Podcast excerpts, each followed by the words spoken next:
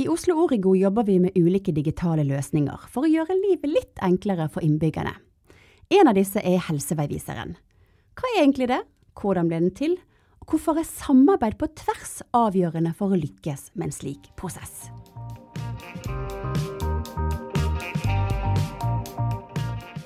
Velkommen til en ny episode av Team Talks, en podkast fra Oslo Origo, hvor vi tar en digital fot i bakken. Mitt navn er May-Lisbeth Midtgaard Myrvang. I dag har vi fått med oss eh, Håkon von Hirsch, som er teamlead i Team Veiviser. Velkommen. Takk, takk. I ditt team Håkon, så jobber dere med to ting. En pilot eh, for behovskartlegging, og selvfølgelig Helseveiviseren. Og det er jo den vi skal snakke om i dag. Ja, Håkon, hva er egentlig Helseveiviseren? Helseviseren er et uh, digitalt produkt som uh, ble skapt pga. et problem som er observert. Og det var at uh, seniorer hadde ikke noen oversikt over hvilke tilbud som finnes i kommunen, og da om, rundt helse. Så produktet vi, du tar da utgangspunkt i ditt behov, så blir du da veileda til riktig tilbud. Ja, Og dette fantes ikke fra før? Det fantes ikke fra før. Eh, det er prøvd å lage det flere ganger, så vidt vi vet, eh, men ingen har klart å materialisere det i noe som faktisk er brukende, og som lever ute blant folk. Men tilbudene er der? Tilbudene er der, det er de absolutt. Så det handler jo da om å få vist alt det her, eh, det som finnes, til byens innbyggere. Eller dem som jobber i bydelen. Ja, for det var mitt neste spørsmål. For hvem er helseveiviseren? Er det bare de som er 60 pluss, eller er det flere grupper? Nei, vi, vi, opererer egentlig med tre målgrupper, og det er jo dem som er 60 pluss.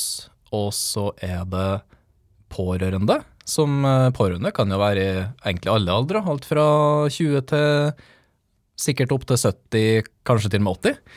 Eh, og så er det i tillegg dem som jobber ute i bydelen sånn at de har en mulighet til å eh, kunne anbefale tilbud til innbyggere som de møter. Hvor finner man helseveiviseren? Hvis du skal finne helseveiviser, så kan du jo f.eks. gå inn på oslokommune.no og søke deg fram der, eller du kan gjøre et helt vanlig Google-søk. Det er jo egentlig tilbud for alle der, så alle kan finne noen ting. Et egentlig veldig bra mangfold. Hvis vi går litt tilbake igjen, så var det jo et eh, prosjekt som het Mats. Fortell om det. Mats, det starta jo i uh, bydel Stovner. Jeg husker ikke nøyaktig hvilket år det var, men det var før jeg starta i Origo, og det var nok også litt før Origo ble ordentlig etablert. Uh, Mats var noe som Det var nok et slags kartleggingsverktøy for der du skulle si litt om, eh, om deg sjøl, og så skulle du da bli veileda til riktig tjeneste og tilbud. Eh, det høres ut som at det er akkurat det samme som helseveiviser, men eh, det er ganske store forskjeller her, fordi det ble aldri materialisert til noe som var brukende for folk.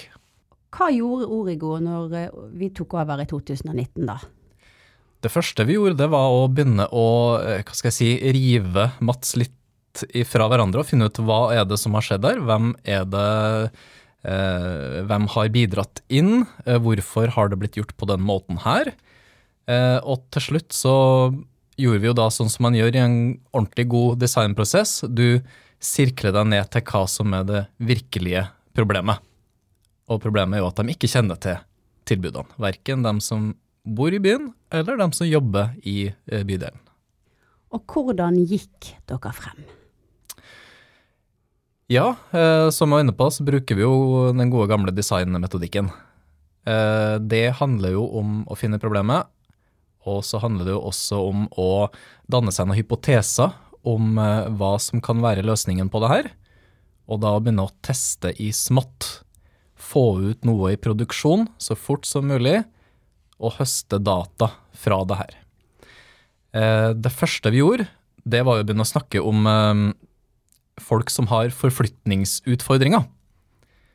Det er jo eh, Det viste seg jo at uh, det her tilbudet TT-kort er det jo ganske mange som bruker over hele Oslo, egentlig. Og derfor at vi sirkla oss inn på det. Vi lanserte en pilot på det, og begynte å høste data, men det var jo bare bydel Stovner, en relativt liten bydel, og det var kun da én utfordring. Så vi så jo fort at her er det altfor lite data å, å holde på med. Så eh, så vidt jeg husker, så eh, kontakta vi da de seniorveilederne som jobber i bydel Stovner. Og så begynte vi da å snakke, intervjue dem om eh, hvilke utfordringer er det vanligvis Tim, eller innbyggeren da, snakker om i et møte med seniorveileder. Etter det så kom vi vel ut med ei liste på rundt ti-tolv typiske utfordringer.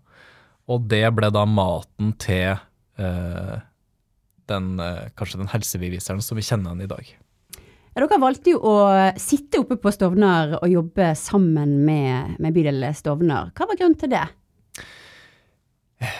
Grunnen til det var jo at vi ble sittende veldig nært fagfolkene. Vi hadde jo kontakt med dem uh, ukentlig. Vi møtte dem i gangene, kunne slå av en prat. bli med, De kunne få feedback veldig raskt. Eh, og så hadde vi jo med oss en person i teamet som eh, var ansatt i bydel Stovner. Eh, Elisabeth Nordahl heter hun. Eh, som kjenner kommunen inn og ut, og har da jobba på alle nivåer, egentlig. Hvor viktig er det? For oss har det vært alfa og omega. Hvis vi bare har vært en sånn eh, eh, gjeng med produktutviklere uten noen kunnskap om kommunen, så hadde vi nok jeg tror vi hadde sittet der fremdeles og klødd oss litt i hodet. Det tror jeg virkelig, fordi kommunen er så komplisert. Men dette var jo et problem som gjaldt alle bydeler. Hvorfor gikk dere ikke bare bredt ut når behovet var så stort? Ja, det er et godt spørsmål.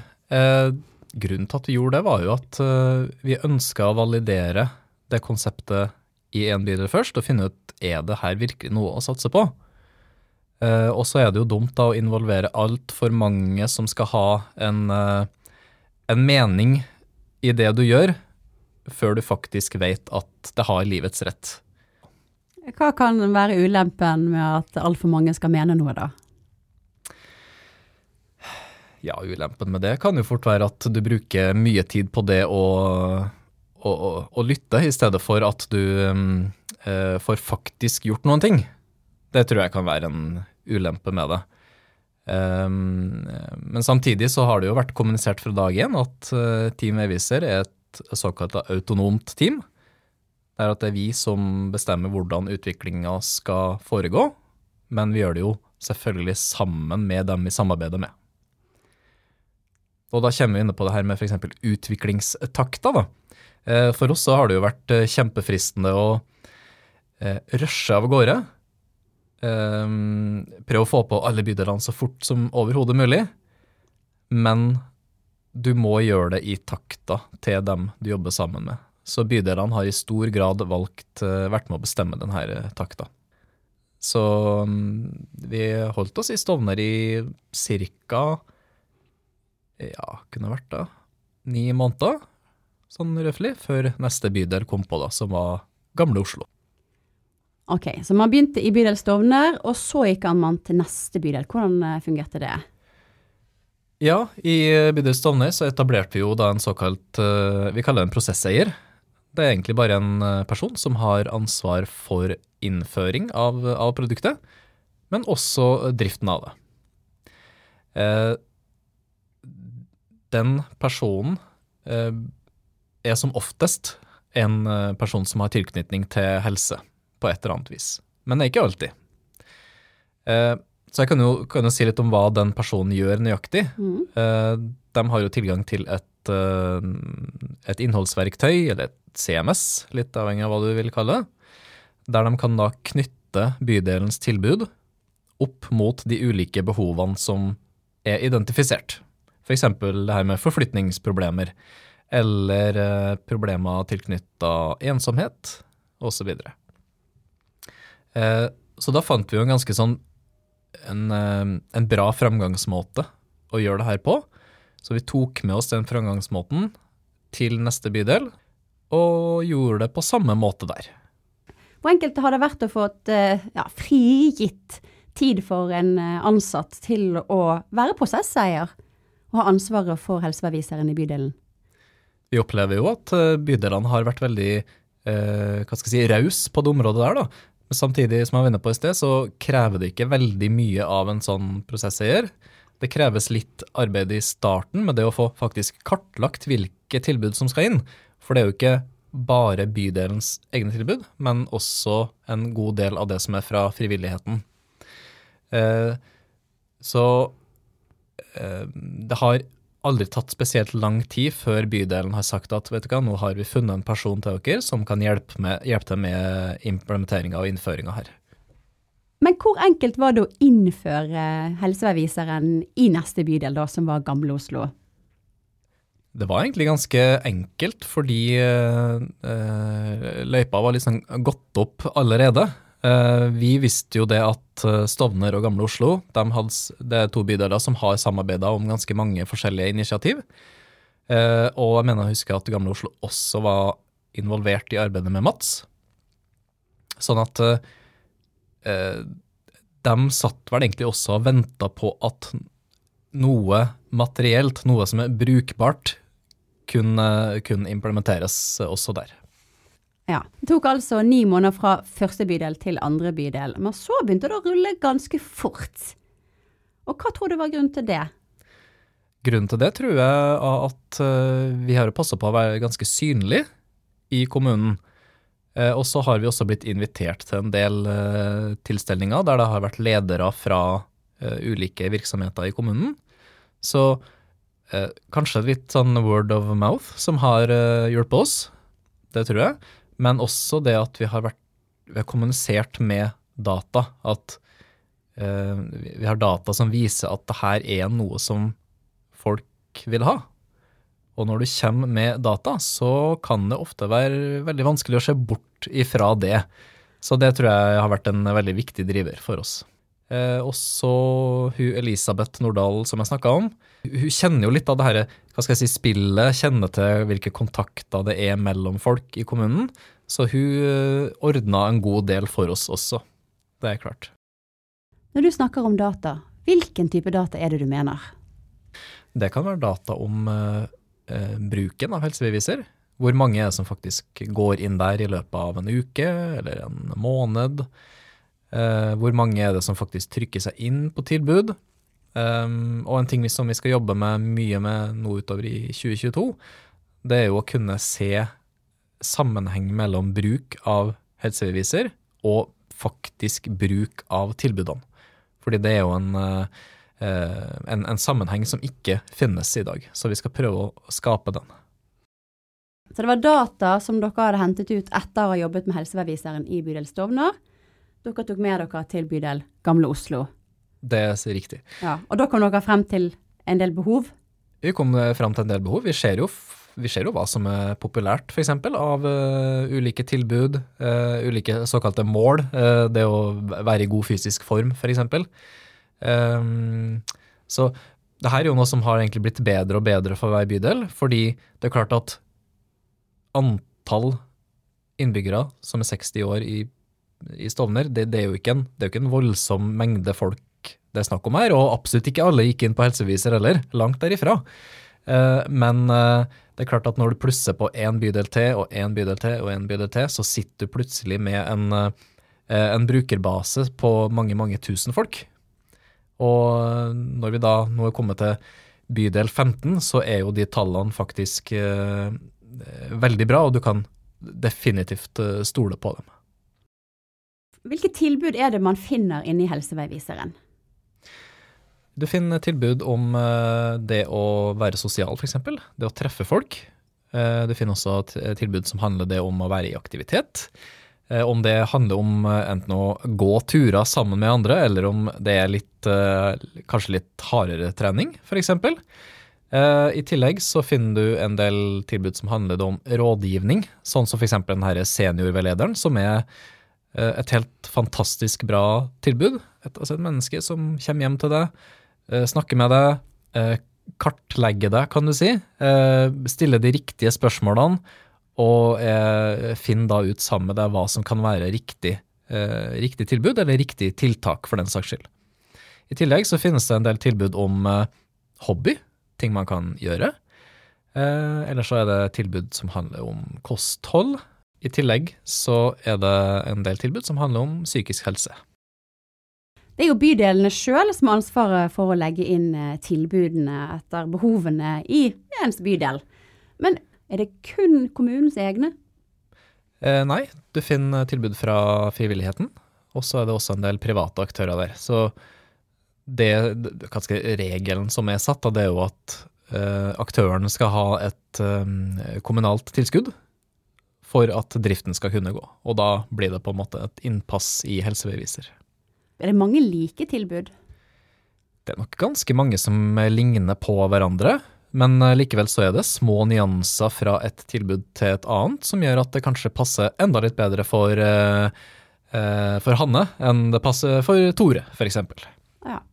Og så har jeg hørt at det er folk som har tatt kontakt fordi de ønsker at sitt tilbud skal bli en del av helseveiviseren. Hvor enkelt er det? Som regel så går jo det ganske greit, da. Men uh, samtidig så kan ikke helsebeviset romme alt heller. Uh, hvis vi skulle ha tatt inn alt det som, uh, det som finnes av rubbel og bit, så hadde jo resultert i en dårligere brukeropplevelse fordi at du får så mye å velge mellom. Det er liksom å komme på en restaurant, og så har de 140 hovedretter på menyen. Det er jo helt umulig å velge noen ting. Eh, Og det er da du velger pizzaen med skinke og sjampinjong, fordi du ikke klarer å ta det innover deg. Så det å holde antall tilbud på et sånn ganske ålreit nivå, det har også vært viktig oppi det her. Hvis man savner et tilbud i helseveiviseren, hvordan går man frem da?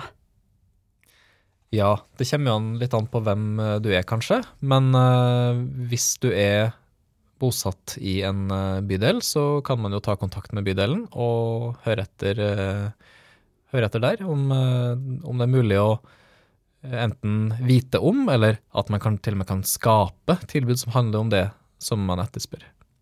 Men hvis man er interessert i å få inn et tilbud i helsebeviser, så kan man jo også ta kontakt med teambeviser på e-post, f.eks. Hva er de mest søkte tilbudene på helseveiviseren?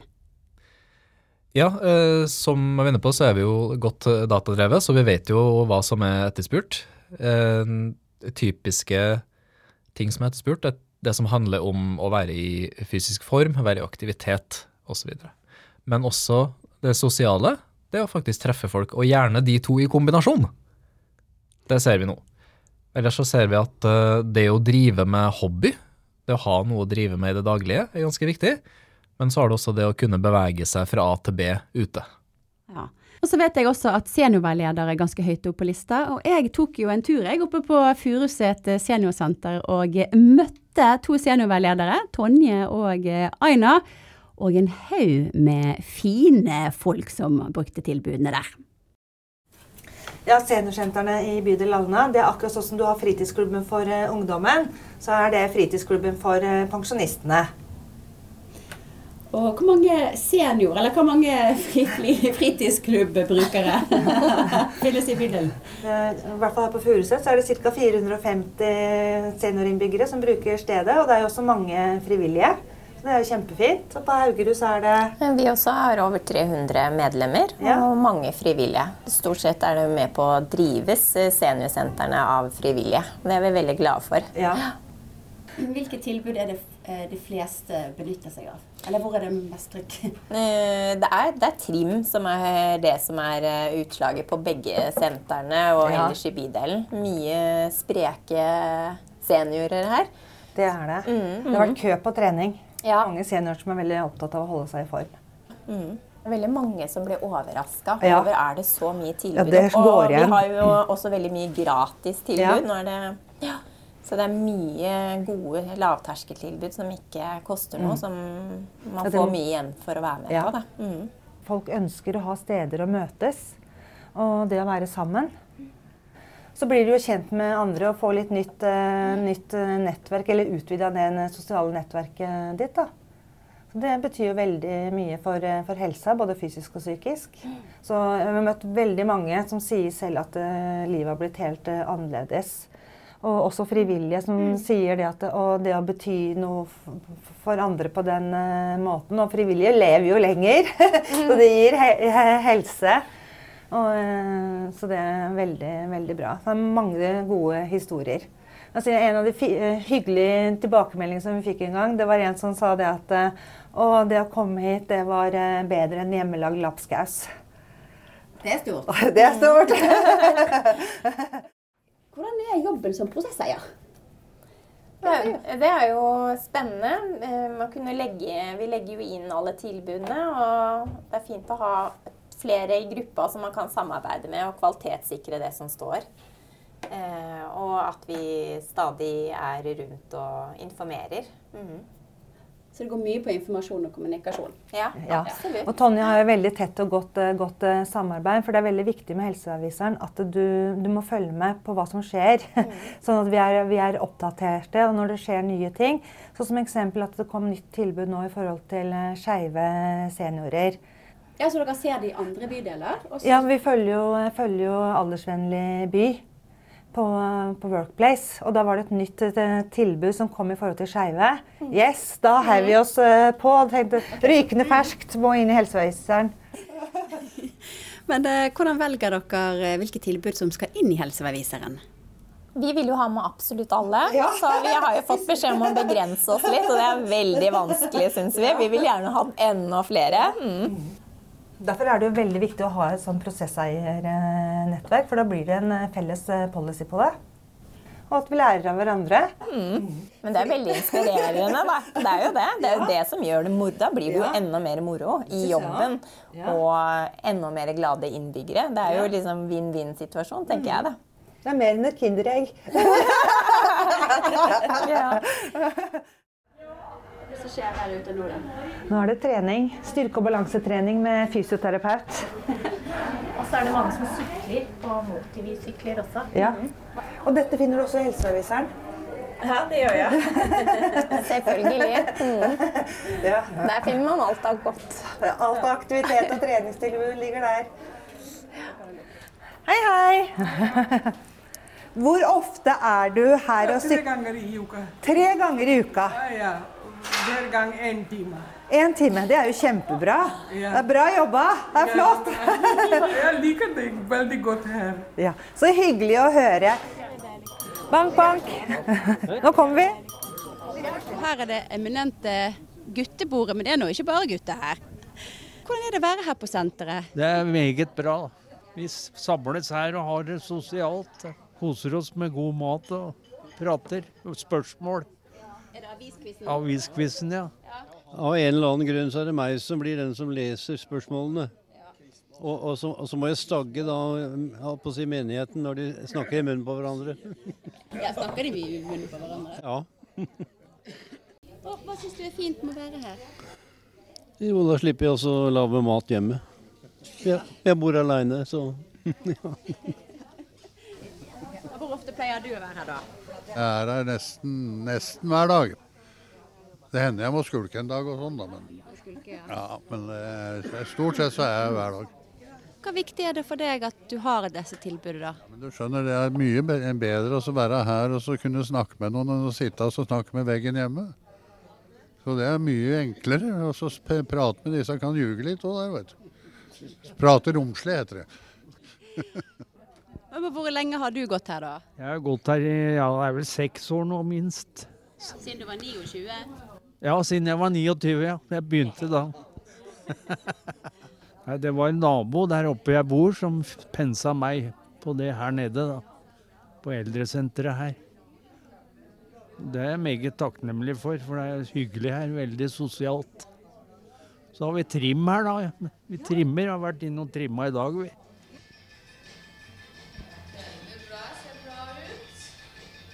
Jeg trener hver uke. Jeg sykler eh, hver mandag i en time. Og så er jeg på fellestrimmen på torsdag. Hvor viktig er det å komme hit, da? Det er veldig, veldig viktig. Det er en eh, kjempeflott trening. Bruker hele kroppen. Så jeg er veldig glad jeg har begynt. Det er både hjernetrim og fysisk trim, det å komme på et senter og treffe folk på sin egen alder, og eldre og yngre. Faren at, det at du skal bli sittende hjemme, særlig dem som er alene, er jo veldig viktig at de kommer opp her. Men det er like viktig for oss som også er to som, som går litt for mye oppi hverandre. Jo, det er kjempekoselig. Altså, Alle menneskene her er så hyggelige, og de er så fornøyde å komme hit. Og særlig nå når det har vært korona, så har de bare vært hjemme. Og bare det å komme inn her og få være med på trim og sitte inne og prate og spise og kose seg. Veldig bra, folkens. Da er vi ferdige med entreen av ben. Føler vi at vi har blitt litt sterkere? Ja. Det er ingen tvil om at denne gjengen der var strålende fornøyd med å ha disse tilbudene å gå til hver eneste uke. Enten det var å trimme hjernen, kroppen, eller ha noen å prate med. Hvorfor er det så viktig å fokusere på den gruppen 60 pluss eller seniorer, tenker du? Ja, det er flere grunner til det, men uh, en av de viktige er jo at det her er jo uh, et punkt i livet der kanskje mange opplever stor endring, stor forandring. F.eks. For det her med funksjonsevne. en god del opplever også litt ensomhet, kan, kan bli. og mange vil jo da bli stående utenfor arbeidslivet, sånn at man har ikke den samme der, eh, sosiale kontakten eh, lenger. Så eh, det er veldig viktig at kommunen da har en mulighet, ikke, bare kommunen, men også frivillighet og private aktører, til å gå inn og gjøre eh, forebygging framfor det å eh, reparere når eh, skaden på en måte allerede har skjedd. da. Så det er om å gjøre å ta i tidlig innsats, rett og slett for at livskvaliteten skal bli veldig god. Og så må jeg jo si at det gjelder jo definitivt ikke alle som er 60 pluss i Norge. Det er jo langt ifra. De aller fleste lever jo helt fabelaktige liv fra Hva skal jeg si fra, fra vugge til grav. Men ja. så en, et annet aspekt oppi det her er jo at det ligger en god del muligheter i det også. Ja, for man tenker jo automatisk at det kanskje er litt utfordringer, at det blir flere eldre, at det blir dyrere for samfunnet. Men det stemmer ikke nødvendigvis. Ikke nødvendigvis. Eh, vi må huske at det her er eh, mennesker som har masse livserfaring, masse ulik erfaring. Så ja, hvordan, hvordan kan vi som samfunn få tatt det her i eh, Få, lært av dem, da? Og eksempel så kan man jo prøve å få en del av dem inn i frivilligheten veldig mye ting man kan være med å bidra i, i der. Og så vil man jo sitte igjen med det noe godt sjøl også, da. At det blir en sånn form for altruisme oppi det her også. Helsebeviseren er jo et digitalt verktøy, eh, men jeg går ut ifra at ikke alle sitter på nett og leter etter den. Hvordan når man ut til uh, brukerne? Det er jo ikke bare på de digitale flatene at uh, vi markedsfører. Vi vet at noen har stått ute på stands, f.eks. på eh, bydelens kjøpesenter. Eh, det har vært hengt opp plakater på legekontor. Eh, og så har det jo også vært en del hva skal si, sånn, digitale plakater på skjermer som henger rundt omkring. da. Hvor viktig er prosesseiernettverket når det gjelder markedsføring av helseveiviseren for å nå ut til innbyggerne? Ja, det er jo ganske ofte dem som kommer med ideene til hvordan, eh, hvordan, det kan markedsføres. De eh, kjenner jo bydelen best, og hvilke, eh, hvilke rom de faktisk treffer innbyggerne i. Eh, sånn at når, når alle de prosesserene møtes her, så deler de jo erfaringer på tvers med ja, hva er det som funka i eh, bydel Alna. Eh, kanskje det kan fungere i gamle Oslo, eller kanskje i bydel Nordstrand, så de lærer litt av hverandre. Det at man har fått en prosesseier i hver eneste bydel, betyr jo at man har fått til et type samarbeid. Og hvor viktig er samarbeidet på tvers for å få til et sånt produkt som Helseveiviseren i en kommune? Ja, det er helt avgjørende at uh, det her er noe som alle sammen står samla rundt, og vil det. Vil det virkelig. Uh, jeg kan ikke si for sikkert, men jeg tror ikke det er noen av de her prosesseierne som jeg, jeg føler seg plaga med på det, kan du si. de, eh, det, det er nok av lyst, og at de ser at det her er noe som faktisk er, er bra. Eh, sånn som vi gjør det nå, er at vi har arbeidsmøter sammen med dem ca. annenhver måned. Da har vi hatt f.eks. skrivekurs. Hvordan skriver man best mulig og kortest mulig, på en måte, for, for nett. Eh, og så har de jo vært ganske godt involvert i det å videreutvikle helsebeviser til, til et annet, eller nye konsepter. Har det blitt et større fokus på tilbudene i bydelene etter at helseveiviseren er rullet ut? Ja, det har det. Litt av tilbakemeldingene vi har fått fra de her prosesseierne, det er jo at uh, nå ser de jo endelig hva er det som faktisk finnes der ute. Og ikke minst så har de jo også oppdaga en god del uh, nettsider som faktisk inneholder feilinformasjon. Fordi helseviser fungerer jo sånn at vi sender deg jo til en nettside som allerede finnes, f.eks. en nettside om seniorveileder, eller hva det skal være. Så det er ganske mange feil som har blitt oppdaga pga. det. da. At det er en person i bydelen som har gått litt dypere inn i det, og, og finne ut av uh, hva er det vi faktisk kommuniserer der ute. Jo, her står det faktisk feil navn, det står feil telefonnummer. Eh, kanskje tilbudet ikke eksisterer lenger. Kanskje det er nedlagt, kanskje det er midlertidig stengt pga. pandemien. Hva har vært typiske hindringer? Er det flere ting? Eh, for vår del så har det jo egentlig vært litt sånn eh, Vi har jo vært litt sånn utålmodige, kan du si. da, fordi når du har lagd et konsept som viser seg å være ganske bra, så ønsker du å få det skalert ut så fort som overhodet mulig, sånn at flest mulig kan eh, ta det i bruk. Så det å sitte og eh, vente på at bydelene skal liksom melde seg litt på én etter én, det har vært en utfordring for oss. Eh, og så må jeg jo si at eh, den pandemien vi akkurat har vært inne i, den har jo vært en ganske stor utfordring, fordi eh, ca. i mars for et par år siden så fikk jo bydelene helt andre ting å tenke på enn å drive og implementere en helsebeviser. Så det er nok de to største tingene. Men det har jo tatt bare litt over to år for å rulle det ut fra bydel 2 til den siste nå våren 2022. Det er jo ganske imponerende likevel? Ja, ja det er jo det. Og så vet vi ikke helt hvor lang tid hadde tatt hvis det ikke var en pandemi oppi det her. Jeg gjetter jo på at da hadde vi nok klart det på ett til ett og et halvt år. Det tror jeg. Ja, og hva er grunnen til at eh, noen var de siste bydelene versus noen var de bydel 2, 3 og 4? Vet du hva, det tror jeg handler egentlig om eh, litt sånn interesse, hva som er fokusområdet for bydelen akkurat eh, der og da. Og så er det jo Bydelene er litt grann ulik. Noen er litt mer frampå når det gjelder det å drive innovasjon, mens andre er det kanskje i mindre grad. Så der, jeg tror den forskjellen ligger akkurat der.